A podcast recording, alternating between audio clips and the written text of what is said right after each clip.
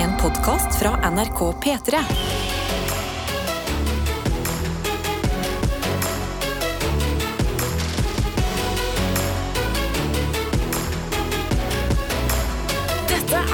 Ja, og det har blitt onsdag, så da eh, sier vi velkommen til denne onsdagen hos oss. Og eh, kan jo begynne med å spørre deg, Tete, før vi skal spørre ut folket hvordan det går på denne dag. Ja, nei, i dag eh, er jeg two-faced, todelt. Oi. Eh, fordi jeg i sinnet veldig motivert, gira, glad. Eh, og egentlig altså, og, Ja, det er bra. Men jeg har vært ekstra trøtt og lurer, skjønner ikke helt hvorfor. Oi. Eh, og er litt sånn eh, I går så sa jo du og flere her at eh, dere var litt sånn eh, klam og litt sånn eh, tung av at det var nedbørsskyer og sånn. Folk snakker om sånn at man blir litt sånn Det var veldig klamt i går, fordi det regna. Lavtrykk. Ja, men Ja. det var altså så varmt i lufta at bare jeg gikk ut, så bare blåste hår med sånn poff til dobbel størrelse. jeg, jeg føler Jeg tror kanskje jeg har fått det i ettertid. For i dag er det ikke lavtrykk, men eh, i- eh, jeg er trykka ned. Etterklamma, som kommer og tar deg. Jeg har fått etterklamma, åpenbart. Ja. Det føles helt greit. Whoopsie-daisy. Men spørsmål til deg. Ja. Um, på onsdager pleide ikke du å spille cageball? Jo. Hva har skjedd med cage-karriera din? Nei, jeg har bare jeg har for mye greier å gjøre. Nei! Jo, Ikke vær nerd. Du må jo ta vare på hobbyen i livet. selvfølgelig. Ja. Og i dag så vurderer jeg det, men eh, skal altså da fullføre en balkong som eh, skal få uh, nye terrassebord. Vet du hva? Tete åtte år hadde vært så skuffa. Jeg vet jo det, da, men jeg er voksen. Det, det er jo det er jo ikke jeg sjøl som har bestemt at jeg skal skifte terrassebord. Altså Tete åtte år. Han, Du må, må jo heller la det bare ta litt tid med terrassen. ja, det, er, eh, det er andre folk i samboerskapet som også er hypp. Og jeg er for så vidt hypp på nye terrassebord sjøl òg, men jeg hadde ikke prioritert det foran Cage, som jeg kommer til å gjøre i dag. Ja, nei, men Det handler om eh, prioriteringer. En midlertidig voksenpause fra Fy cagen. fader, prioriteringa er Ja, vanskelig, er altså. Vet du hva? Har du ikke kommet til et sted i livet hvor du må deale med prioriteringer ennå? Åh, nyt det, Ja. sier vi her vi sitter. Jeg også er på plass i dag. Jeg kan fortelle at Denne onsdagen her har jeg starta ganske godt. Mye, mye mindre klamt vær i dag enn i går. Det gjør allerede at jeg har det liksom fysisk bedre. Så fysisk bra at jeg kom på jobb, skulle henge fra meg tingene mine, og så ser jeg at Min pult den er på en måte litt sånn rotepult for alle som går forbi det området. Ja. Særlig Martin Lepperød, som tidligere jobbet i dette programmet. Han trenger ikke å ha noe spøkelse. Han, altså, han går igjen eh, med alle tingene han legger igjen på Ja. pultene våre. Det er alltid en kopp som legges igjen, og så må jeg liksom ta den koppen bort på kjøkkenet. ting og tang. Nå hadde det lurt seg en svær sånn papppose med masse papp inni. Som hadde hvelva under pulten. Så Det så ut som det hadde bare vært en sånn tornado under pulten min. Så jeg sånn, jeg, jeg orker ikke. Jeg orker ikke at andre skal komme på jobb, og så skal de kaste et blikk der. Det er veldig sånn lett å se den plassen. Og så skal de tenke sånn Se på Adelina, hun klarer ikke å holde pulten din ren. det er litt typisk Adelina. Altså. Men det, det er ikke altså, Det hadde vært greit å ha vært meg, men det var jo ikke mitt rot engang. Så jeg har starta dagen med rydding av pult. Og vet du hva, det er prioritering av voksenliv, altså. Du har rydda før klokka har blitt halv sju. Det er sterkt, det. Det kommer belønninger ofte etter, Fordi da kan jeg sette meg ned her i dette studio, hvor vi sitter dag inn, dag ut, fylle koppen min med kaffe, kikke ut av vinduet og se at, vet du hva, trærne, de har blitt grønne, de. Frodige. Åh, det er så vakkert. Dette er P3 Morgen. Vi skal inn i innboksen vår og se hvem der ute som er våkne. Og jeg kan med en gang si god morgen til en som har sendt sin første melding til P3 Morgen. Oi, en førstegangsinnsender. Yes, det er en geolog i Bergen som skriver Hei! Første gang jeg sender melding, og det er første gang jeg hører på dere på vei hjem fra jobb. Etter en natt med tunnelinspeksjon. Og der er det fine med geologer at Mhm. de eh, det, Av og til høres det ut som de kanskje litt Litt traurig utdannelse. Være veldig opptatt og, og, og god på stein. Ut og plukke stein på en måte og se om det er skifer eller noe annet. Men natt til en onsdag og surre rundt i noen, noen tunneler der, det må jo være kjempespennende. Og litt skummelt, eller? Nei! De kjenner jo steinen, flere. Det var, det var selskap av Ja, Steine. ja, ja, ja, Det, hvordan kunne jeg glemme? God morgen eller god natt kan vi jo si til deg, da, siden det høres ut som du er på vei hjem til å legge deg. Koselig at du på tampen av arbeidsnatta valgte å sende oss et lite livstegn. Det setter vi pris på. Absolutt. Vi har med oss noen som har hatt en litt mer trøblete start på dagen. God morgen, gjengen. Nå skal dere høre. Jeg er på vei inn i min, mine faste rutiner igjen, med bl.a. morgentrening før jobb. Oi. Var kjempemotivert, pakket, klar, og tiden var on point. Men jeg finner ikke nøklene. Nei.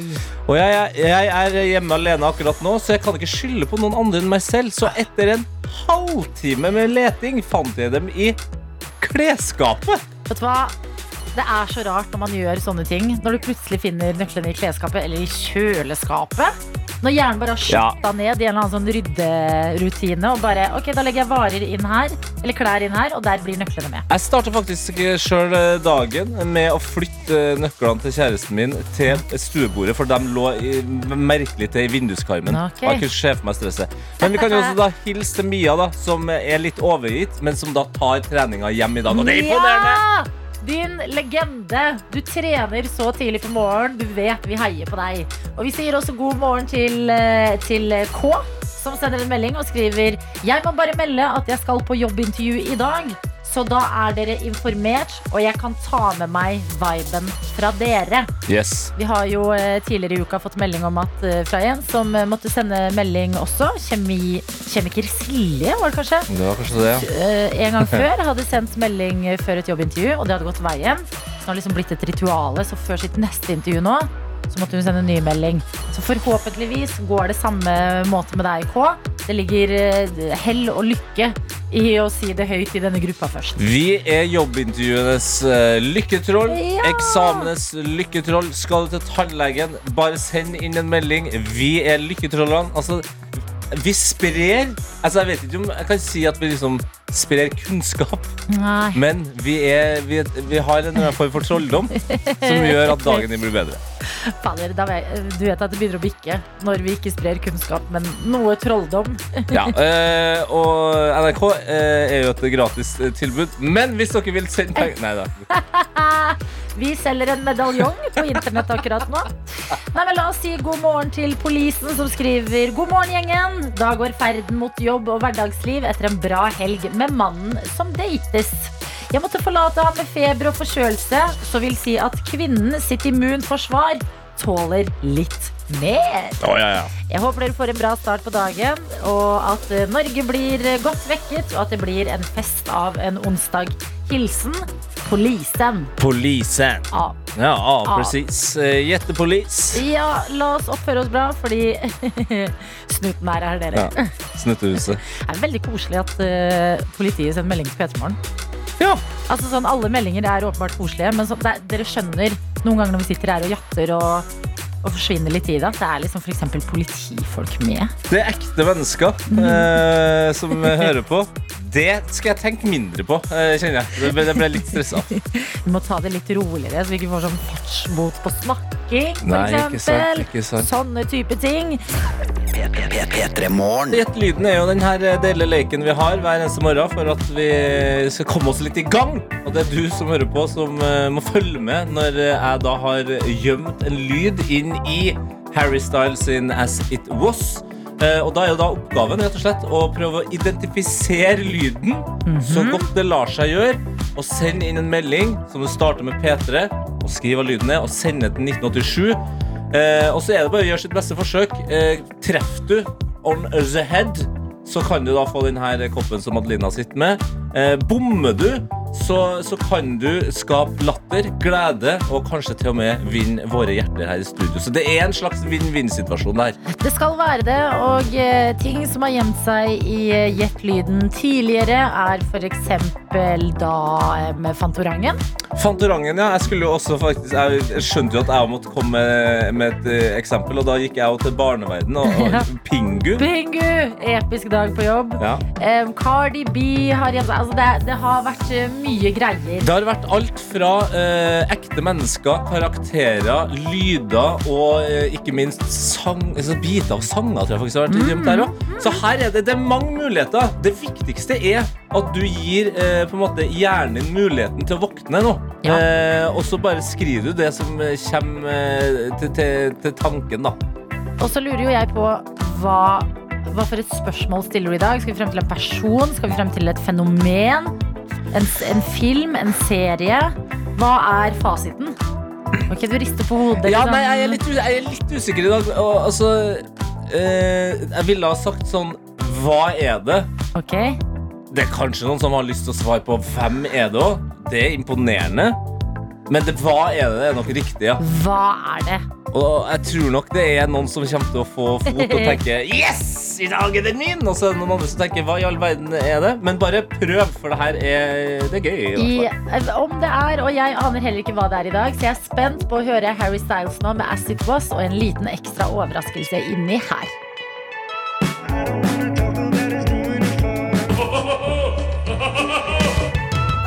P3 Morgen. P3 Morgen. Og jeg trodde jeg hadde svaret. Jeg satt eh, og gjetta her i dette studio. Det samme som Fosen-pendleren har gjetta i innboksen vår. Okay. Nemlig kan det være vår alles kjære Max Mekker fra Sesam stasjon vi hørte i dag. Det høres faktisk veldig ut som Max Mekker. Utrolig likt, Ja. men ikke riktig, altså. Det er ikke riktig, eh, og det er heller ikke gjettet til Margrethe, som går, frisk, går i frisk morgenluft til jobb eh, i Trondheim. For hun skriver dette var kong Harald som lo sin gode latter. Jeg håper kong Harald ler sånn mens han løper rundt i slottet og er sånn Men så, Jeg er konge! Sonja, ser på meg, jeg er konge! han gjør det akkurat nå med sånn eh, nattlue. Ja. springer rundt etter, springer etter Sonja. Åh, for et nydelig syn. Dessverre, Margrethe, det var ikke riktig. Men det er ikke dette forslaget her heller. Som er noen som gjetter. Kan det være Ronny Brede Aase som er julenisse? Det kan være det. Det er det som er problemet. Ja. Men det er ikke det. Og det er veldig morsomt at uh, Max Mekker har jo blitt nevnt her. eh, og, og går igjen. Julenissen, uh, som Ro- Ronny Brede også, eller bare julenissen, har blitt nevnt flere ganger. Og mer spesifikt fra Snekkerstian. Nei, kan det være selveste julenissen på kokain, da? Noe må jo han gjøre for tiden. Det høres ut som julenissen har det eksepsjonelt gøy i så fall. Ja. Det kan vi slå fast med dette klippet her. Vera hun har latt eh, tankene gå en annen retning og skriver 'dette må'. Og skriver altså 'må' i store bokstaver. Mm. Understreker der at dette må være ekko i Blåfjell.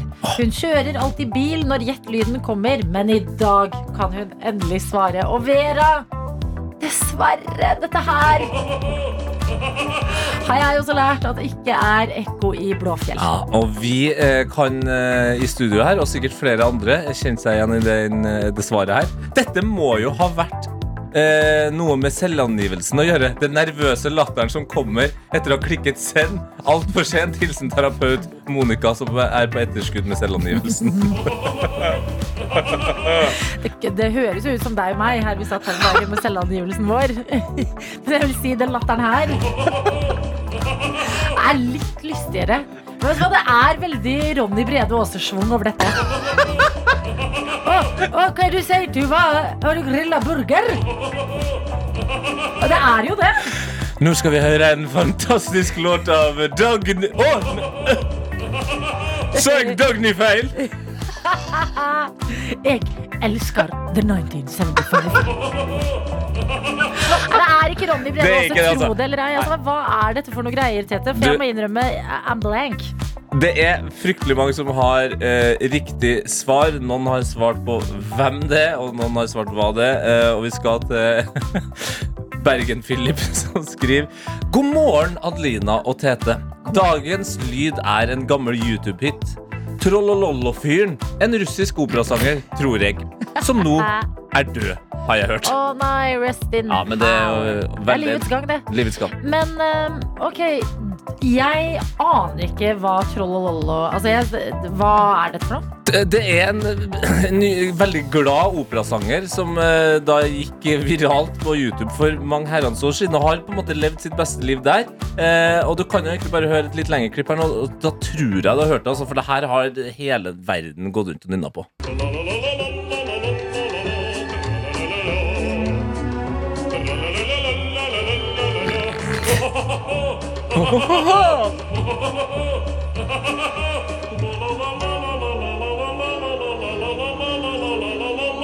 Wow! Bli glad, det her, da. Ja, men vet du hva? Jeg, tror, jeg tror jeg er i usynk med hele resten av verden. Jeg. Wow! Ah, eh, dette er mitt første møte med Trollololo-mannen. Men, Som, vær så føler god. en rar ting å si. Dette er P3 Morgen. Og vi må snakke om en eh, turné som pågår akkurat nå. Beyoncé? Ikke Beyoncé sin. Det er to gigantiske superstjerner på hver sin turné akkurat nå. Eh, Mens Beyoncé holder på i Europa, så er Taylor Swift godt i gang med sin Eras Tour i USA. Ah, the land of the free. Og det ser helt uh, liv laga ut på disse konsertene. Gigantiske stadiumkonserter. uh, og folk som uh, i publikum som pynter seg og kler seg liksom opp til å matche konserten. Hvilken Taylor Swift-era er de? ikke sant? For det er liksom forskjellige deler av musikken hun har gitt ut. Og det er det, altså Hun oppsummerer litt karrieren sin. Da er det jo en berg-og-dal-bane. Om det er tre og en halv timer med show, og siste stopp på turneen, det har vært Massachusetts. Massachusetts, Et sted- som jeg klarte å si veldig fint. Man må ikke si det for mye. Nei, jeg bare kasta meg uti det. Blir siste gang. Ok, men Hvis noen som hører på nå, ikke har snakka i dag ennå, er liksom hjemme nå og ikke oh, i gang med morgenbrannen, kan ikke bare, hvis du pusser tenna eller smører deg brødskive eller noe, bare si høyt for deg selv Massachusetts. Ja, Du klarer fader meg å si det. Ja, Det det er bare ren flaks. Massachusetts. Nei. Ok, videre. Det er greit. Ok, Men ting har skjedd i eh, Massachusetts. Nå prøvde jeg å unngå å si det! Det går ikke. Nå er vi fucked. her. Perfekt. Nå har vi kjørt oss opp i et Massachusetts-hjørne. Og i dette hjørnet her så har det vært utrolig dårlig vær mens Taylor Swift har hatt konsert. Det var blant annet en av konsertene, for hun skal ha totalt tre der, hvor eh, kanskje veldig mange andre ville avlyst fordi det hølja ned. Men det endte istedenfor i en sånn nydelig kveld hvor fans og Taylor Swift dansa sammen i regnet. Ah, ja. Robin-aktig. Veldig. Men så kommer det jo en ny konsert etter det. Og da begynner det å skje litt merkelige ting på scenen. Vi kan jo høre når Taylor Swift setter seg ned foran pianoet sitt. Har ikke lagt fingrene oppå tangentene ennå. Sitter liksom eh, der. Og så begynner piano å gjøre dette. So that means that.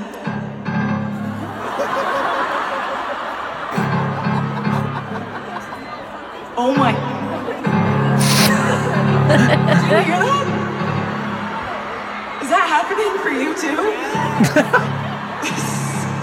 okay, I'm just gonna do another song guitar. That's insane.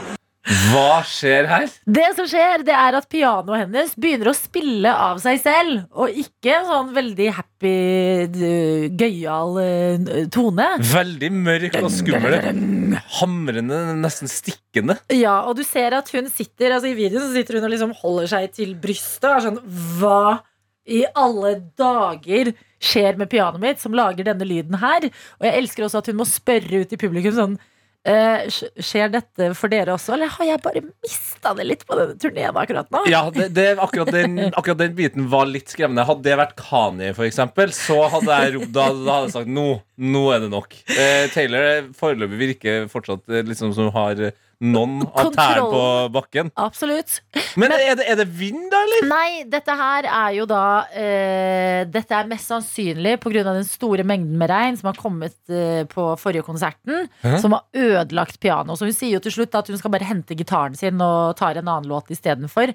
Men jeg må innrømme altså, sånn, Sorry at jeg blir eh, teknisk interessert her, altså. Ja. Men hvordan i all verdens rike kan, et, eh, kan vann gjøre at et piano begynner å spille av seg sjøl? I just don't know. Det har sikkert truffet et eller annet eh, baki der hvor tangentene egentlig ligger. Kanskje det er en frosk som ligger der og prøver å komme seg ut? Da. Noe som har skjedd som ødelegger balansen, som gjør at dette Nei! Nå skulle jeg jo spille dette Ja, her ja, på nytt. Dette her So that means that. Det er dritskummelt. Det er dritskummelt, og det er det jeg vil si. Jeg tror selv i selskapet av veldig mange Swifties, 60 000 sikkert, så hadde det gått litt kaldt nedover ryggen for meg. Altså. Nei, det er spennende. The great mysteries of life. Men uh, godt å se at også Taylor Swift har uh, litt problemer noen ganger. Ja, uh, men sånn kan det gå for hvem som helst, uansett om du er norsk eller amerikansk og har konsert i Massachusetts. Massachusetts! Kjempebra, Tete! Det, det, nei, nå, var jo, nå klarte jeg det, men så skulle du redde meg. Jeg tenkte vi skulle si det i kor. Nei, men fader, jeg vil jeg jeg vil stå munnen. loud and proud Nei, gå alene på og den si det andre mikrofonen, så kan jeg gi deg litt sånn klang. Ok. Ok, nå går det, det, Nå lager vi roteradio, altså, men det er min favorittradio, det. Ok? Nå er det veldig viktig at du ikke uh, tryner på denne her, Tete. Til alle mine venner ut i Norges land, ikke dra til Massachusetts! Faen i helvete! Faen i helvete! P3 I dag er vi kry og stolte her i P3 Morgen fordi de fem premiene i sekund for sekund, de skal byttes ut. Ja, en vi har- merkedag. Ja, vi har uh, tatt uh, premiepotten og rista den som en uh, terning og fått noen nye varianter ut der. Eh, og vi kan vel egentlig bare presentere dem først som sist. Det er jo noen man kjenner igjen, selvfølgelig. Ja, Eh, men på toppen nå så står det altså da en eh, eksklusiv eh, P3 Morgen-matboks av ypperste kvalitet. Eh, som også da skal få skrifta etter at P3 Farmor eh, vant jet, ikke gjettekonkurransen, men vant navnekonkurransen i går. Ja, Der skal det stå 'Elsk din niste som deg selv'. Som er vakkert, altså. det er så vakkert. Og hvis du ikke rakk å høre på i går, da vi skulle bestemme hva i alle dager som skulle stå på denne matboksen, så var det altså meget mange gode forslag. Men elsk din niste som deg selv. Det var et godt ordspill. Det var koselig med ordet niste, og det kommer til å kle den matboksen som vi endelig har fått på plass. Og på nummer to så ligger jo da matboksens venn og vår trygge havn i P3 Morgen, nemlig P3 Morgen-koppen, som det står 'gratulerer'. Du har stått opp på. Ikke sant? Eh, klarer du det på tre sekunder? Ja, nok en variant du har hørt før. Flakslodd. Men det er jo det her eh, potensialet med en million kroner som gjør at vi, vi, vi velger å holde den der, altså. Vi beholder den, men nummer fire, der sniker det seg inn en ny premie. Og det er en pose med godt og blanda. Å, fytti helsike, jeg digger de, eh, de myke tingene inni der. Altså de fruktene. Å, det er Ah, putte så mange inni munnen som overhodet mulig, og så bare kjører jeg på, altså.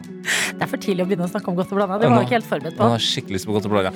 På nummer fem hvis du på en måte bruker hele fem sekunder på å klare det eller ikke klare det, så får du uansett en premie. Tidligere så har det vært en eh, enkelt banantvist. Men nå skal vi gå til noe annet som er like polariserende i godteri, snacks, eh, fruktverden. Og det er jo da en pakke med rosiner. Jeg beklager, altså. Beklager å være et radioprogram som deler ut en pakke med rosiner. Men det er jo så mange andre gode ting lenger oppi der også. Ja. Og for alt vi vet, det var jo dette som skjedde med banantvisten.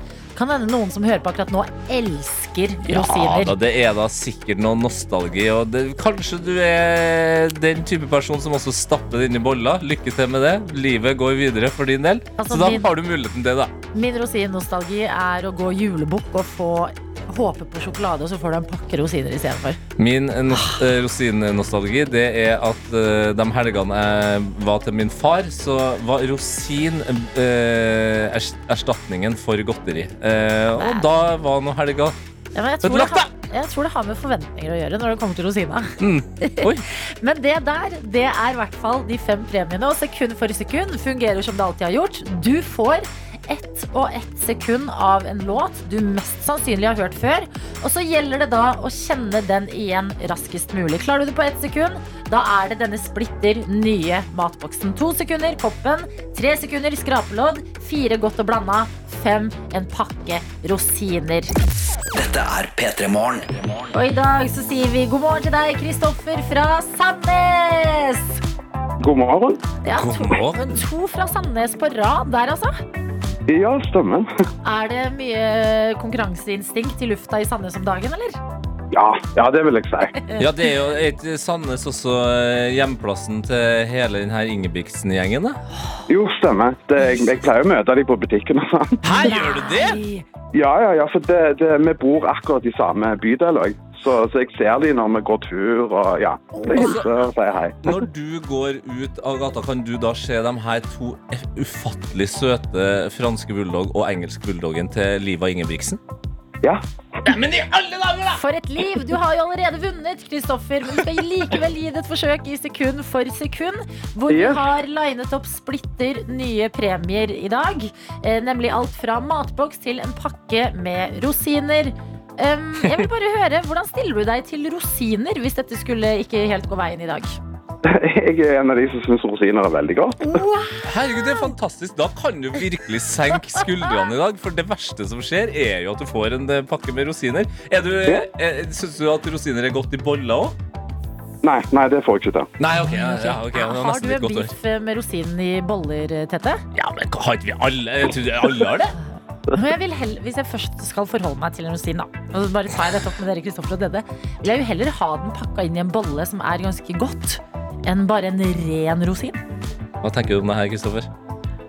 Jeg foretrekker rosinen alene, men jeg er jo en av de som spiser dadler og litt sånn forskjellig. Ok, Det kan jo ikke sammenlignes! Dadler er jo juicy og digg. Rosiner er jo en tørka drue. Jo, jo, jo, det er det, men eh, jeg syns det er godt for det. ja. Men altså, det er mye jeg foretrekker før rosiner, altså. Ja, det er det, det, ja. tviler vi ikke på. Men når nyter du best en pakke rosiner? I hvilken setting i livet, på en måte? Eh, sist jeg nøyd en, så har- kjøpte jeg en sånn rosin med sånn vannmelonsmak, og den spiste jeg ute i sola. Faen, du har catcha oss nå, for det, det var en hit på kontoret her eh, for noen måneder tilbake òg. Mm, det er sant. Den er skikkelig god. De rosinene med smak de kan vi også føye oss etter. Altså. Men Ja. det vi deler ut, bare så du vet det, det er en pakke med helt vanlige rosiner. Straight up rosiner. Kristoffer, uh, det skal skje veldig straks at vi skal i gang med leken vår. Du skal få en låt du mest sannsynlig kjenner til, men hvor raskt kjenner du den igjen? I går gikk det jo ikke så bra med Anette fra Sandnes. Eh, Hvordan står du til på musikkunnskapsfronten, vil du si? Jeg vil tro jeg eh, vil klare meg greit, men, men sånn som i går òg, jeg kjente jo veldig godt til den Michelin-sangen, men, men jeg kjente ikke igjen den introen, så jeg tror det kan gå begge veier, altså. Det kan være tricky saker, dette her. Hva er liksom sjangeren du eh, er nærmest, da? Å, vet du hva, jeg hører på alt. Sånn, sånn virkelig alt. Jeg går gjerne på en heavy metal-konsert, og, og sånt, og så hører vi på veldig mye pop og sånt òg, meg og mannen min. Ikke sant? Ja, så det er men, pop og heavy metal. Rosiner, men ikke i boller. Faen, jeg føler vi Ja, kjenner den, altså. Ja, sant. Og så er jeg en, er jeg en hjemmeværende kattepappa.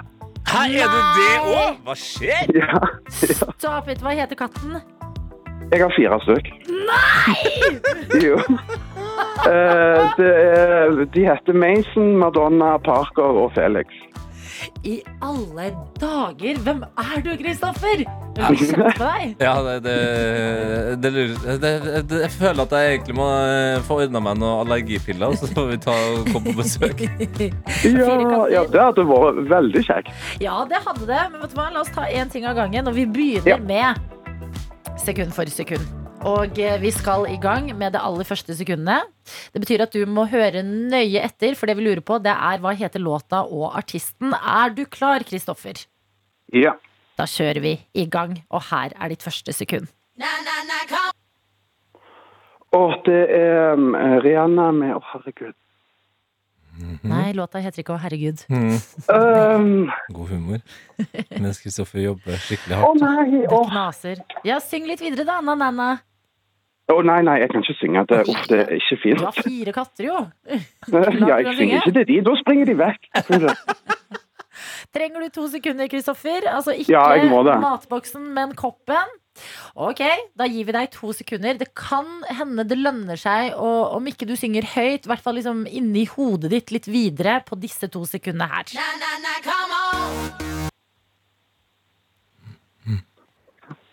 Å, jeg, jeg har jo hørt den sangen så mange ganger. Jeg kommer ikke på tittelen. Nei. Ok, Er det, er, er det Only Girl in the World? Nei.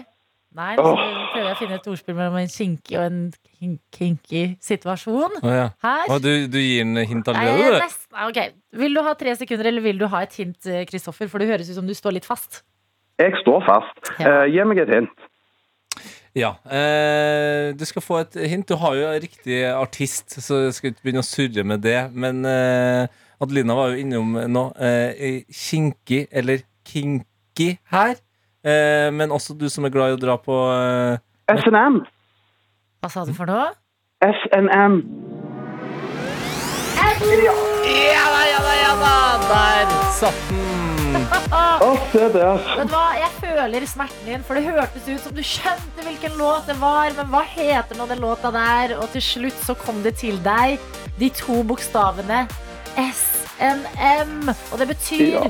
at du klarte det på det tredje sekundet, og at det er et skrapelodd vi skal sende i posten til deg. Så verken rosiner eller matboks. La oss si at du vinner 250 000 kroner på det skrapeloddet. Hva vil du bruke pengene på? Og det første jeg hadde kjøpt, var et eh, stort sånn kattehjul fra England. Jeg var redd du skulle si en katt til, jeg. Nei, nei, vi har bestemt oss for å stoppe. Mannen min ville ha 13, så jeg har sagt stopp. What? Vet du hva? Det fire høres bra ut. Da håper vi at du vinner på dette skrapeloddet, sånn at du kan kjøpe dette stativet til kattene dine. Kristoffer, for et nydelig menneske du er. Takk for at du meldte deg på Sekund for sekund i dag.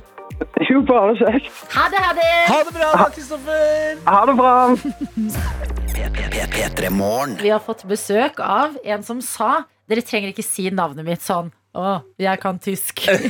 Og det er for meg Det, Det er så fristende. Ja, det er så fristende! Ja, men få høre, da. Inga. Strumke. Ja, hvis vil jeg jeg si. sagt eh, Velkommen til oss, Inga Strømke. Vet du hva, den der naila du. Ja, gjorde jeg det? Ja, du naila den. Eh, du har gitt ut en bok eh, som heter 'Maskiner som tenker', som er spot on på dette temaet som eh, ligger og murrer eh, overalt om dagen. Ja, det Nemlig. gjør vel mer enn å murre. Jeg føler det hopper oss i trynet overalt. Ok, ikke Ja. sant? I hvert fall for deg. Vi andre, mange av oss, trenger en liten innføring. Hva er egentlig kunstig intelligens, og hvorfor snakker vi så mye om det nå? Ja, jeg, jeg vil si at uh, siste, siste spørsmål først.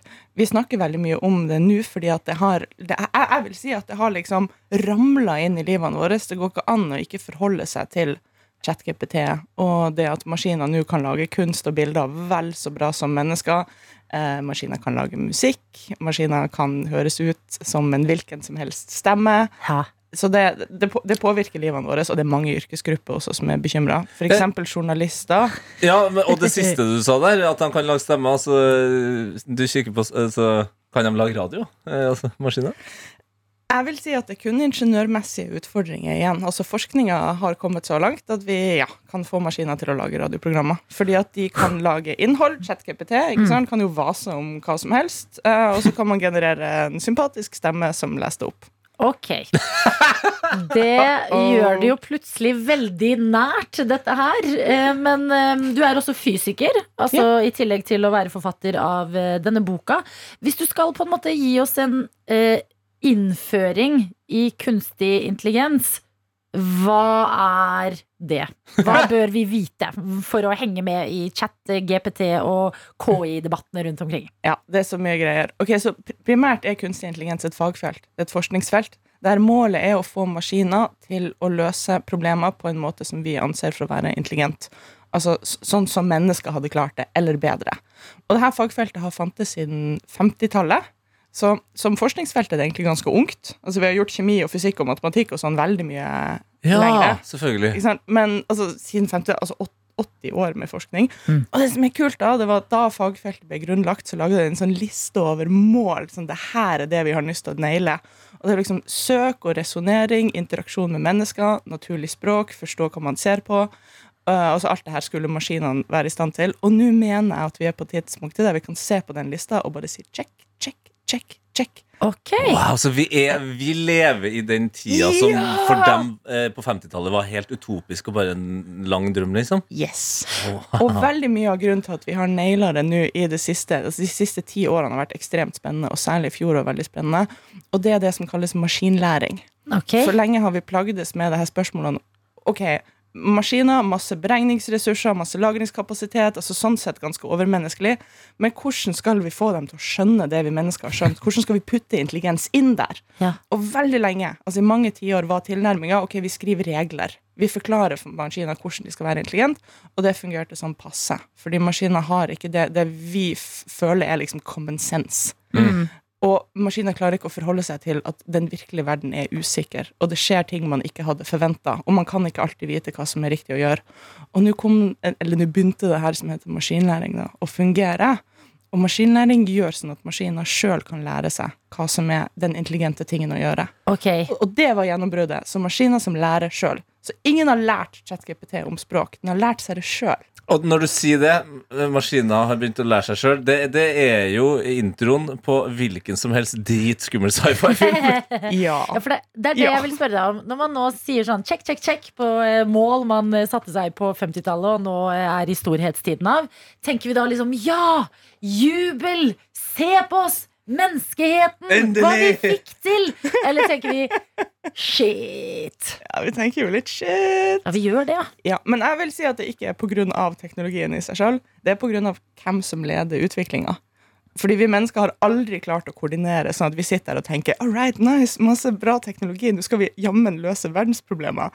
Men vi tenker hvordan skal vi tjene penger på det her? Profitt, profitt, profitt. På Ja. grunn av det økonomiske systemet som vi nå en gang har rigga oss til med, som har gitt oss vekst og velferd og alt det der flotte der, men det gjør at, um, at AI treffer samfunnet primært fra, fra kommersielle aktører. Altså Noen tjener penger på det her. Og det er ikke slemt å tjene penger, men det betyr at de her noen sannsynligvis ikke tenker la oss lage lykkelige menneskeliv og et bærekraftig eh, samfunn. Og i det Nei. tatt. De tenker penger inn i banken. P3morgen. Kunstig intelligens har gjort innmarsj i livene våre, og en som forteller mer om det, det er en som vår lytter, Worldwide Werner, er veldig glad for at det er her. For han har sendt en melding, kodeord P3 til 1987, hvor han skriver Oh my god, jeg er superfan av Inga.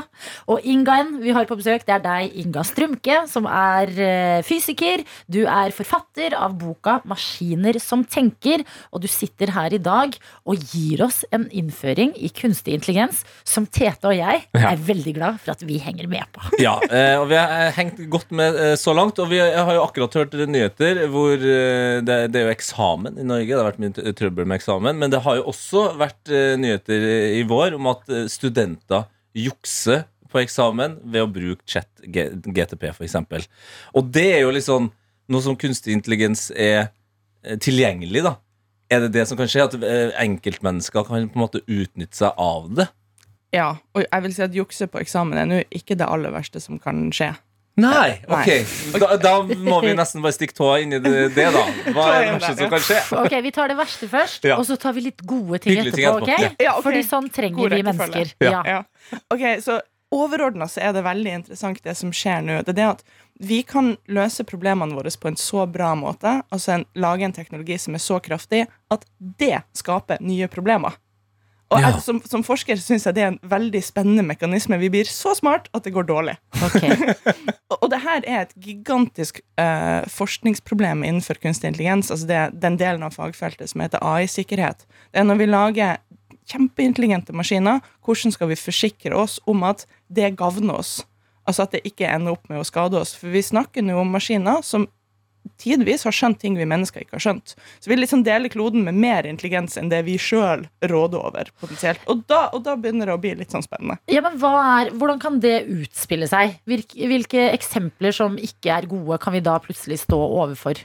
Altså mitt, eh, mitt favoritteksempel å hate på, det er sosiale medier. Um, det at vi, og det her skjer med meg også, vi begynner å scrolle og tenker nå skal jeg scrolle litt, og så ender vi opp med å scrolle veldig lenge. Ja, ja vi gjør det. Ja, og det er ikke fordi at noen hindrer oss fra å scrolle. Så det er ikke for at en maskin kommer og tar bort friheten vår. Det er mye verre enn det. Det er en maskin, det er et dataprogram, som tar fra oss anledninga til å bibeholde eller danne oss ønske om å slutte. Så vi sitter og scroller og tenker jeg, jeg burde ikke, men vi har ikke et ønske om å slutte. Og da har vi blitt manipulert. Ja. Ikke sant? Så manipulasjon av mennesker uten at vi merker det, av maskiner, det er det, er det ene jeg synes er aller skumlest med den utviklinga her. Ok, Så algoritmene på TikTok og Instagram og disse tingene som bare lokker lokker oss til å fortsette. Vi, Ja. At vi føler at vi gjør det av fri vilje, men egentlig så er det sånn eh, Yes. manipulert, skreddersydd, dette innholdet. Ja, og det vi snakker om da, det er det som heter autonomi. Og autonomi kommer før frihet. Så frihet er anledninga til å gjøre det du vil, Ja. mens autonomi handler om anledninga til å danne deg de ønskene. Altså til å vite hva du vil. Ikke sant? Men fordi det er også sånn eh, Man kan jo også se på denne kunstig kunstige intelligensen som et verktøy. Det var jo føltes, altså Hvis du var i en eh, gruppe med huleboere som ikke hadde øks, da, for eksempel, så føltes det sikkert jævlig juks at den andre gruppa hadde øks. Ja. Og, og, og når man eh, gikk på, på ungdomsskolen, så fikk man jo den Texas Industry-kalkulatoren. Men Ja. den skulle man jo bruke. Ja. Men, men det var for at den gjør ting som vi elever ikke klarte å gjøre. Da er det jo et verktøy. Ja. Yes. Så, så kan vi se for oss at vi klarer å på en måte leve med kunstig intelligens som et verktøy. Absolutt. Og øksa er et godt bilde. Fordi at hvis du har en flink, ansvarlig person eh, som har den øksa, Ja. og tenker den her skal jeg bruke til å, til å hugge ned trær, ikke sant? og så kan vi bygge ting og lage bål og sånn, så er det bra. Men hvis noen blir leiemorder Det, det, det, det er faktisk veldig gøy at vi snakker om øksa, for det er 43 år siden The Shining. Så hvis, hvis du er som Jack Nicholson sin karakter i Shining med øksa Da burde du ikke ha øks! Nettopp. Ok, men nå, Jeg tenker på dere som nettopp har stått opp. Det gjør jeg. Klokka er ikke åtte engang, og her sitter vi dypt inne i en kunstig intelligens-diskusjon. Men eh, jeg må eh, spørre deg. Fordi hvis denne øksa, da, la oss kalle kunstig intelligens det, havner i feil hender, på, i hendene til de som du nevnte i stad, at eh, ofte vil tjene penger, ikke sant? Hvorfor vil de tjene penger hvis det går på bekostning av hvordan vi har det? Altså, hva for et samfunn er det de har lyst til å tjene penger på? Blir det ikke kjipt for dem å være rike i en verden hvor alt er bare gått litt under? Å, du graver ned i så mye Ja. Det er så mye her. Hvordan skal jeg klare å huske alt jeg vil si? Ok, så det første er at Jeg vil si at Man trenger ikke å være ond for å ha lyst til å tjene penger. Et selskap som ikke tjener penger, går konkurs. Ja. Altså, konkurs er ondskap. Ikke sant? Da mister masse folk jobben. i det hele tatt. Så selskaper må tjene penger, og de burde finne den beste måten å tjene penger på. Så om noe så er det vår feil som samfunn at forskning og altså den tyngden av utvikling skjer hos kommersielle selskaper, og ikke f.eks. i det offentlige, på universiteter, der vi kan demokratisk styre det. Men så vi har en samfunnsmodell, en økonomisk modell, som legger veldig opp til det her, at klarer du å tjene penger på det, da kommer du i front. Og så er det sånn at folk som jobber i tech-selskaper, som er AI-utviklere, de tenker så klart ikke 'la oss gå og lage et kjipt samfunn'. Men det er noe som skjer når samfunnet har overordna mål, og så skal stakkars individer og enkeltpersoner gå rundt og ta det store ansvaret for de målene. Så det her kalles et sosialt dilemma, og det her kan jeg snakke om så lenge vi bare vil. Um, det, det er et problem fra spillteori, og det er godt studert fordi at det skjer hele fuckings tida i samfunnet. Altså, tenk på, tenk på fly. Vi vet alle at vi ikke burde fly. Ingen, ingen er slem og tenker nå skal jeg jammen kuke til økosystemet. Men vi flyr jo som aldri før likevel. Så vi ser det med klimakrisen, kjøttkonsum altså Vi ser det absolutt overalt. At enkeltindivider sin moral er ikke nok for å sikre en god utvikling. Ok, vi eh, da, ble, nå gikk min puls litt opp. Ble du stressa nå? Litt! Jeg ble Min, det av å min gikk ned fordi jeg føler meg smartere. Men, men, ja, men det, det er det. Nå blir vi smartere, så vi vet hvordan vi skal navigere, forhåpentligvis, med mer kunstig intelligens i livene våre. Dette er P3 Morgen. vi har på en måte sett litt på eh, hva som ikke er så bra med kunstig intelligens og, eh, og rollen det får i samfunnet. Men du sa jo også at man satte seg noen mål da man begynte å forske på dette fagfeltet på 50-tallet. Det må jo være noen fremskritt som er positive for oss som et verdenssamfunn. Ja, ja, hallais. Og sånn er det med all teknologi. Vi, kan, vi utvikler den for å løse problemer, og så bruker vi den primært til å løse problemer, og så er det noen uheldige bieffekter. Og jeg er som person at jeg bare henger meg opp i de uheldige bieffektene, og så beklager det. Det, det er andre AI-forskere i Norge som har spurt meg hvorfor jeg jobber med AI når jeg hater det så mye. jeg hater det ikke. Jeg er bare forsker av min grunn, jeg tror ikke til problemet. Jeg klarer ikke å la være. Men jeg kunne også snakka i time inn og time ut om alt det positive vi kan bruke kunstig intelligens til. Ok, Men om ikke time inn og time ut, minutt inn og minutt ut, da. Gi oss liksom noen eh, smakebiter på gode sider ved kunstig intelligens. Ok, Så jeg kan ta en sensasjonell ting og en veldig mundan ting. Den siste først. For eksempel så har Nav i mange år brukt en språkmodell, altså et kunstig intelligensprogram som forstår språk, til å matche jobbsøkere med potensielle jobber. Og det er fordi at det programmet forstår eh, språk og meningsinnhold i ord, og er veldig mye raskere enn en saksbehandler kan være. Så hvis du kommer inn og sier jeg er baker, jeg trenger en jobb, så skjønner det her programmet at det burde også ta frem jobbannonser der det står konditor. Ja. Så sånne ekstremt mundane ting som man er nødt til å virkelig forstå språk veldig godt for å gjøre, men som ikke er skumle i det hele tatt, for saksbehandleren får bare en bedre liste raskere.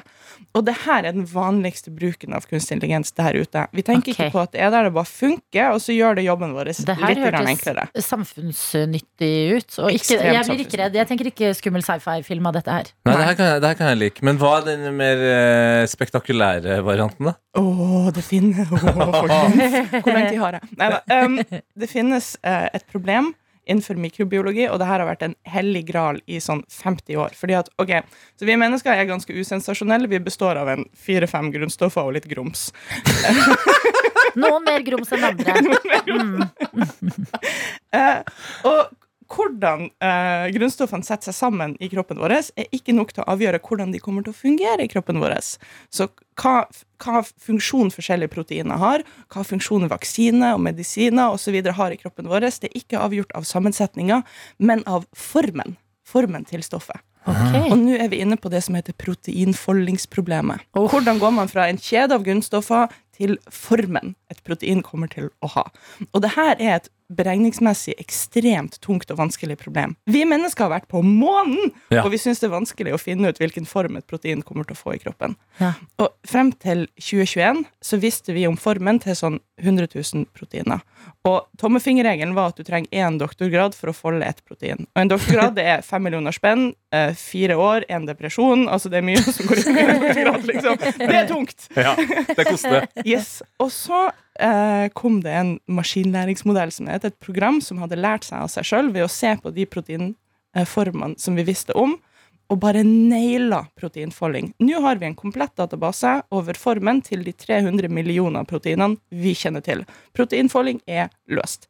Det revolusjonerer farmasi, eh, vaksineforskning, masse, massevis av forskning på hvordan kroppen fungerer. Hvis det kommer en ny eh, koronavariant, Ja. altså en ny mutasjon, så kommer vi til å kunne bare boom, kjempefort se å ja, det er formen, det er funksjonen den kommer til å ha i kroppen. Proteinfolding. dette. Yes. Og det som er så himmelropende kult her, det er at en maskin har skjønt noe om naturvi naturvitenskap som vi ikke forstår.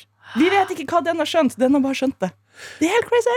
Det, ja, og det som er crazy, er at før klokka åtte på en helt vanlig onsdag så har jeg lært meg hva proteinfolding er. Altså, det er ja, ja, det er ekte deilig. Det er deilig. P3-morgen. Vi har fått en eh, snap fra Siv, som skriver Inga må komme flere ganger på besøk. Snakk om god start på morgenen. Herlig å høre på dere. Og det, eh, det var liksom en frykt jeg hadde når vi skulle snakke om kunstig intelligens. Sånn, det kan jo være at det blir litt mørkt. At det blir litt dårlig stemning. Kommer vi til å henge med? Men det er Luretina er eh, på samme side her og skriver Inga Strumke, for en bra dame! Dette var sykt spennende å høre om. Takk! Og så begynner det jo også å melde seg ganske mange spørsmål til deg, da. Vi Ja. snakket jo nettopp om proteinfolding. Fy faen, det kan du ikke si. Ja, proteinfolding. Jeg sier det med chest. Yes! Eh, Og eh, det var eh, en god ting som kunne, hvor altså, kunstig intelligens kan være til veldig god hjelp og utvikling for samfunnet og menneskers helse. Og her har det da dukket opp en melding hvor det står Kan dere spørre Inga om proteinfolding er til hjelp når det kommer til kreftforskning? Åh, ja. Eh, dess, dessverre er jeg jo ikke medisiner. Nei. Så um, jeg tror ikke det. Um, for kreftsvulster, det er jo Jeg vet faktisk ikke hva de er, men jeg tror ikke det er Proteiner i det. at, at det er proteiner. Men Nei. hvis, hvis man kan folde noen proteiner med kunstig intelligens, så klarer man sikkert etter hvert. Det kan hende at det er en liten sidesti som blir større etter hvert. Hvem vet? Ja. Vi bare Ja. kaster spørsmål på deg nå. ja, fordi for oss er du et bare dodge. Ja, ja. Du er et Ja. orakel akkurat nå, så vi bare antar at du eh, kan disse Jeg kan, tingene. jeg kan gjøre som ChatGPT. Jeg kan bare si ting. Sant! Nice, ok, go. Ok, Vi har også eh, Stigergutt som skriver hvilke jobber vil vi sannsynligvis Hvilke jobber vil sannsynligvis forsvinne først i forhold til inntoget av kunstig intelligens? Vet du hva, det her er altså så spennende. Fordi at helt fra starten så har vi tenkt at det er de typiske håper å si, lavstatusyrkene. Altså de manuelle yrkene som du trenger forholdsvis lite opplæring for å gjøre, som kommer til å ryke først. Men vi har jo slitt altså siden 50-tallet med å få maskiner til å bare plukke opp ting uten å ødelegge ting. Ja. Det er sånne ting som er såre enkelt for oss mennesker. Som å tolke et sint blikk. Kjempevanskelig for maskiner, enkelt for mennesker. Til og med enkelt for hunder. Ikke? Ja. Og det her har et navn. Det heter Moraveks paradoks. Oppkalt etter en dude som heter skjønner du Hans hvorfor vi tror du kan alt? Ja. Ja. Fordi du bare casually dropper Moravecks paradoks. Ja, men du kan dere det òg. Og det er den innsikten at ting som er vanskelig for mennesker, er enkle for maskiner, og ting som er enkle for mennesker, er vanskelig for maskiner. Så vi har en sånn ikke-gjensidighet gående der. Så det å gjøre ting som vi mennesker tenker «Åh, det der er jo enkelt, det der nailer jo maskinene snart, det har vist seg der har vi hatt helt feil forventning da. Men etter at ChatGPT kom ut i november, altså det, det er et halvår siden, etter det så har både leger Altså Jeg kjenner gode leger som prøver å få den til å feildiagnostisere og ikke får det til, for den er så jævlig god å diagnostisere. Og ja, de håper at ChatGPT skal Yes. gjøre det feil. Ja, ja. I siste utgave av Advokatbladet så var det masse plass via til Kan uh, ChatGPT egentlig skrive juridiske dokumenter, sånn som våre interns er nødt å, å gjøre nå? Og veldig mange journalister lurer også på liksom, hvilke deler av jobben min ryker. Så på under et halvår har denne teknologien begynt å true høystatusyrkene. Tenk på det. 80 år prøvde vi å erstatte lavstatusyrker, så tar det et halvår. Og høystatusyrkene bare oh fuck. Leger, wow. journalister, advokater. Så det her Radiopratere, bye bye. Lørdagsrådet vi er lavstatus. Det tar, du må ikke gå på skole i fem år for å bli var- Nei, radioprater. nei, men du sa jo tidligere i dag at en, eh, en stemme. Jeg hører ikke hva du sier. ta oss bort. Og Well White Werner er på plass og skriver Kan du si noe om bias i kunstig intelligens? Alrighty. Så bias er et ord vi har lånt fra statistikk, og vi misbruker det absolutt litt. Så greia er da at hvis du har en masse data som beskriver et eller annet fenomen du lurer på, f.eks. hvor flinke er folk å betale tilbake lånet sitt, så kan du utvikle en statistisk modell basert på det, eller du kan gjøre kunstig intelligens på det og si ok, men bli flink her nå da til å anslå om en ny person, basert på det vi vet fra før av, i de her dataene, kommer til å betale tilbake lånet sitt. Og hvis du da henter masse data, f.eks. fra et samfunn der kvinner hadde dårligere kjøpekraft, eller noen etnisiteter hadde dårligere kjøpekraft, så står det egentlig implisitt i dataene eh, folk med feil etnisitet, folk med feil kjønn osv. burde ikke få lån. Ja.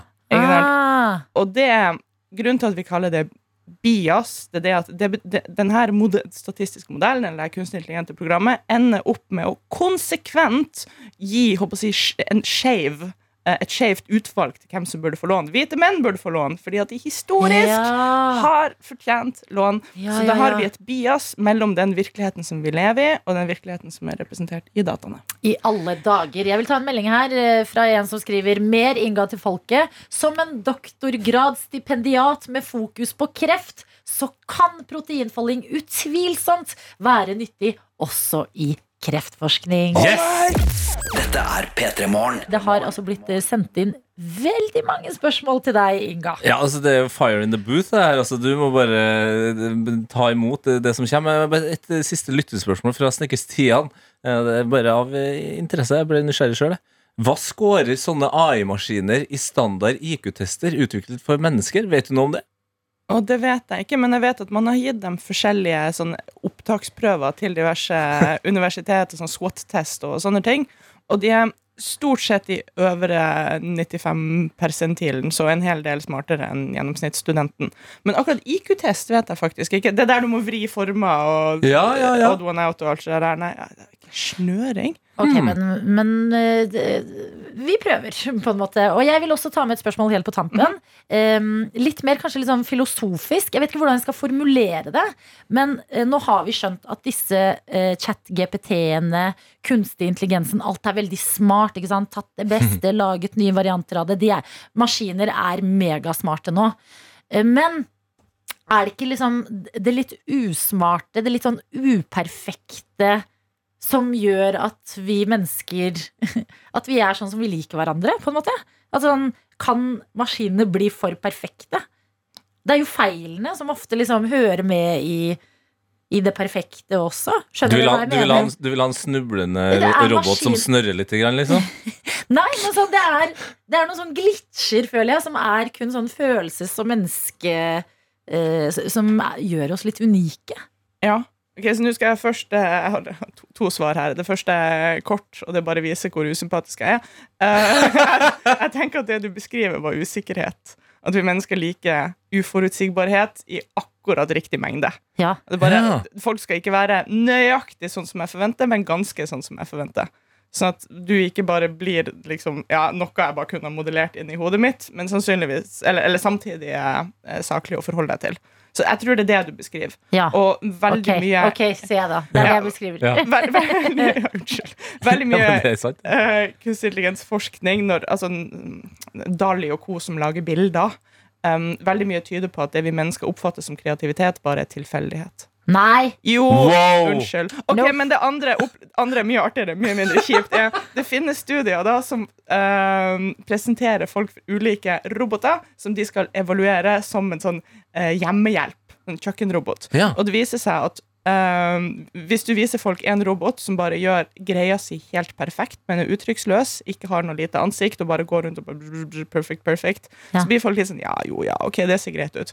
Mens hvis du gir dem en liten robot med et sånt smileansikt som gjør litt feil og er litt klumsete og sier 'å, unnskyld', um, og, og sier ifra før den skal prøve noe nytt og virker som den har litt personlighet, så liker folk den bedre. Det der, de, de, har, de har gjort det med vilje med robotstøvsuger. 100% At den er litt klønete og Vi, empatiserer litt med klumsing.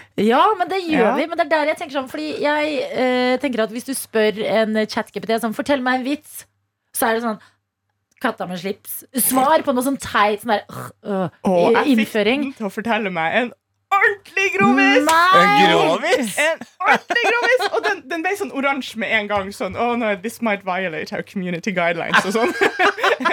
så, men du må be den om. Du, du, må, du må si liksom Ja, jeg er voksen og jeg vil ha en skikkelig grovis. Surprise me, impress me. Men Du kan pushe den. Men den, det føler jeg sånn, Da får den en veldig tydelig oppgave. Men si liksom et, sånt, et show da, som noen setter opp i en time med en historie, og det, er, det henger sammen. Ja. Der er ikke kunstig intelligens.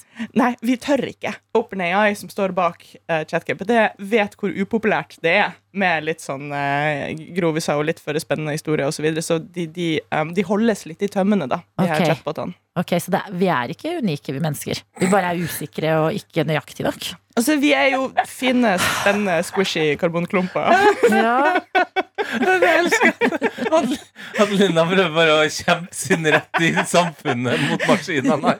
jeg, ikke! Folkens, det er bare å gi opp. Maskinene de er her, og de er jævlig smarte. Og de kan, være, de kan leke usikre hvis de vil.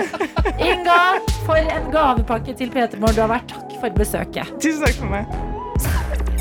P3 Innboksen vår den er vid åpen, og vi kan ta en melding som har tikket inn her. Hvor det står 'God morgen'. Jeg skal ha eksamen i dag, og vet at flere linjer på BI gruer seg til denne eksamen. Hei, Jonny, som er foreleser, står det her. Vil tro at hele gjengen trenger deres lykkeønskninger. Ha en fin dag. Hilsen fra meg. Så koselig, da. Lykke til, kjære eh, studenter som skal ha eksamen i dag. Dere vet vi heier på dere. Det kan gå bra. Hvis det ikke går bra i dag, så går det bra neste gang. Så Ja. ikke tenk på det. Og nå, folkens, så skal jeg eh, dra dere gjennom noe jeg har eh, vært veldig interessert i de siste eh, 18 timene. Okay. Jeg har nærmest, altså jeg har drømt om det her. Oi, oi, oi. For i går så satt jeg og så på Dagsrevyen. Ja, Ja, ja, ja, ja, ja. En sånn type er jeg. Og da fikk jeg vite at eh, verdens største krigsskip, eh, Ger eh, USS Gerald Ford, som er et amerikansk eh, krigsskip, eh, seiler inn eh, i Oslofjorden i dag. What are you saying? Ikke sant? Og det er jo det er krig i Europa, og det er noen politiske greier her med USA som tøffer seg Så Det driter vi. Det er uinteressant. Vi er et morgenprogram med fokus på god stemning. Og jeg har på en måte blitt min egen chat-GTP nå. Ja. Fordi det er så mye info om det skipet her som får fram 11 år gamle TT i meg. Dette er chat er ChatGTT! Så jeg har liksom tatt eh, infoen, og så har jeg stilt et spørsmål, og så har jeg fått et svar. Okay. Eh, og det, Vi kan jo starte med da at det skipet her Det er 76 meter høyt. Jeg må bare berømme deg allerede her, Tete.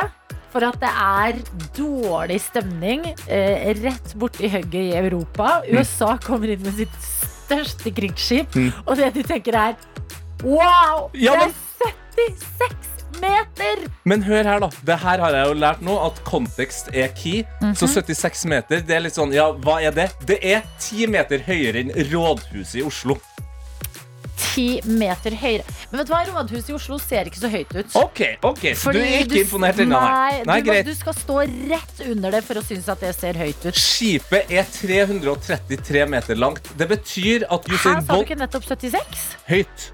Å ja, høyt, høyt, høyt, ja. Ja, ja. Ok, ja, da er det høyt, ja. Ja. Det kan jeg være med på. Skipet er 333 meter langt. Det vil si at Ok. verdens raskeste mann, Usain Bolt, vil bruke over 30 sekunder på å springe over hele skipet. Altså, Hvis du vil få frem poenget med at det er langt, så ville jeg ikke tatt verdens raskeste mann.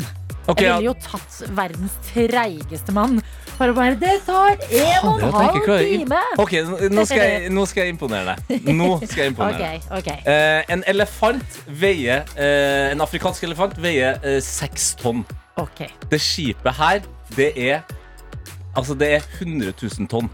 Som betyr 16 000 elefanter! Nå snakker vi mitt språk. Nå begynner vi. Nå er jeg med. Ok, da, da fortsetter jeg. Ja, jeg er på glid. For nå vet vi hvor stort det skipet her er. Ja.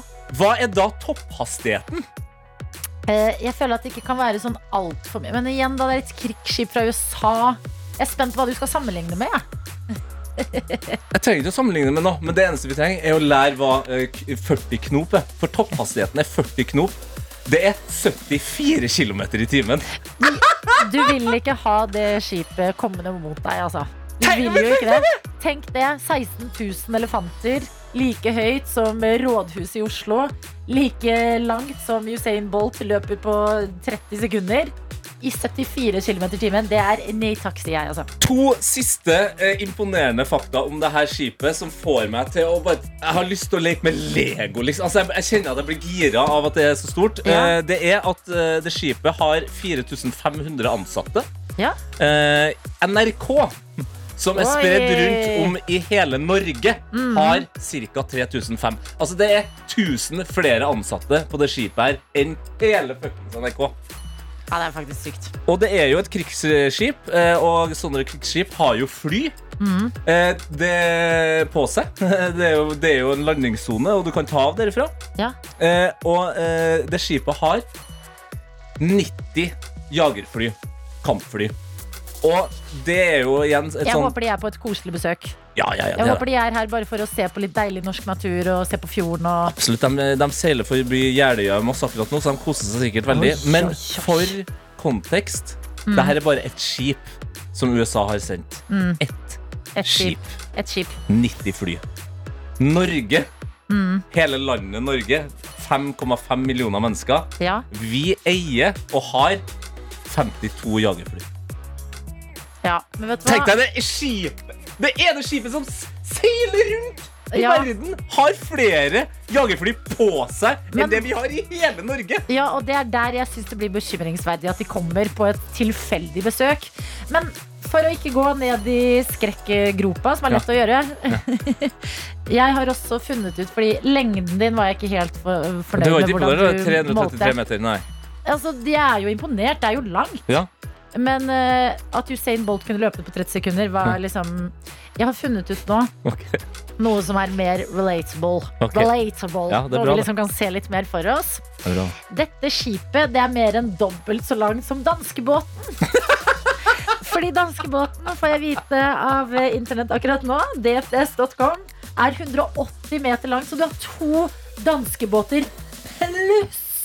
Eh, jeg jeg er glad for at vi snart er ferdige her. For det er, en, det er en ung, eh, glad gutt som skal ned til fjorden i Oslo og møte eh, Stirre på krigsskip. Om jeg skal stirre på Ja, det, er en, det er en onsdagsplan, det. P3 Morgen. Og vi har jo nettopp snakket om dette gigantiske krigsskipet, verdens største, som seiler inn i Oslofjorden. USS Gerald Ford.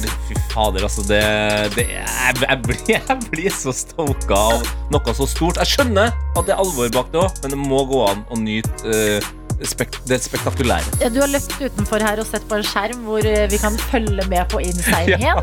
Eh, og eh, vi ble jo snakkende litt om altså, størrelsen, målene på Mm. dette skipet. Og vi hang oss særlig opp i 333 meter langt, som Ja. var mer enn dobbelt så langt som to danske båter. Riktig. Ja, altså, eller mer enn mer enn to danske båter. Ja, ja, ja. Eh, og så har vi fått en melding her fra en som skriver Det er nesten like lang som tre stykk Oslo Plaza etter hverandre for å holde seg til bygninger. Nå begynner vi å snakke, ja. Mm, og fordi vi har lyst til å være inkluderende. Vi vet vi er et radioprogram som snakker om at det er sol i Oslo når det er sol i Oslo. Ja, ja, ja. Og så er det kanskje ikke alltid sol andre steder i landet. Og så, og så kan vi glemme oss litt bort, for det er rett foran nesa på oss. ikke sant? Men jeg har gått til Tyholttårnet. Et tårn i Trondheim, for å fortsette å snakke bygninger. Tyholttårnet, det er 120 meter høyt.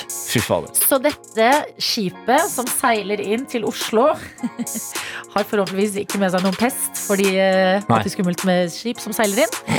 Men det er da nesten tre Tyholttårn. Det er, det er en grunn til at jeg blir stoka og imponert her. eh, det er også deilig at vi i innboksen har eh, Men jeg er ikke ferdig. Å nei, du er ikke ferdig. Det, det, det smitta! Nei, men, Jeg var litt redd for at du syntes det ble litt kjedelig med det skipet, men nå har det smitta. Nå er du jo, men det var fordi at vi er jo også et international radio show. Riktig! Så jeg måtte ta eh, en sammenligning på et internasjonalt bygg også. Eiffeltårnet. 330 meter blank. Eiffeltårnet og dette skipet er like lange. Sånn! Nå kan jeg også eh, Hva heter det når man parkerer skipet? Man Kaste legger loss. til kai.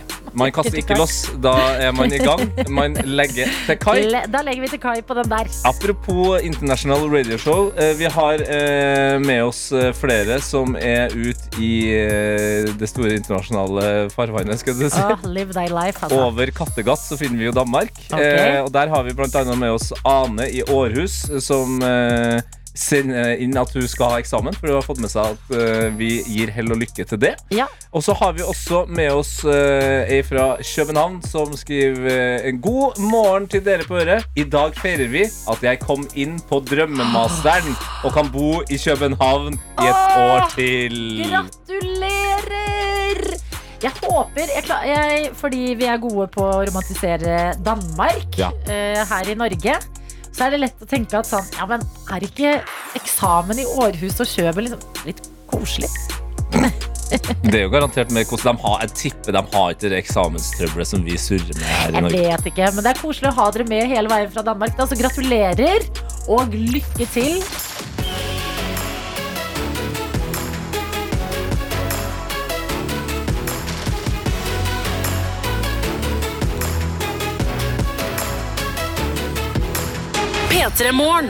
Du har hørt en podkast fra NRK P3.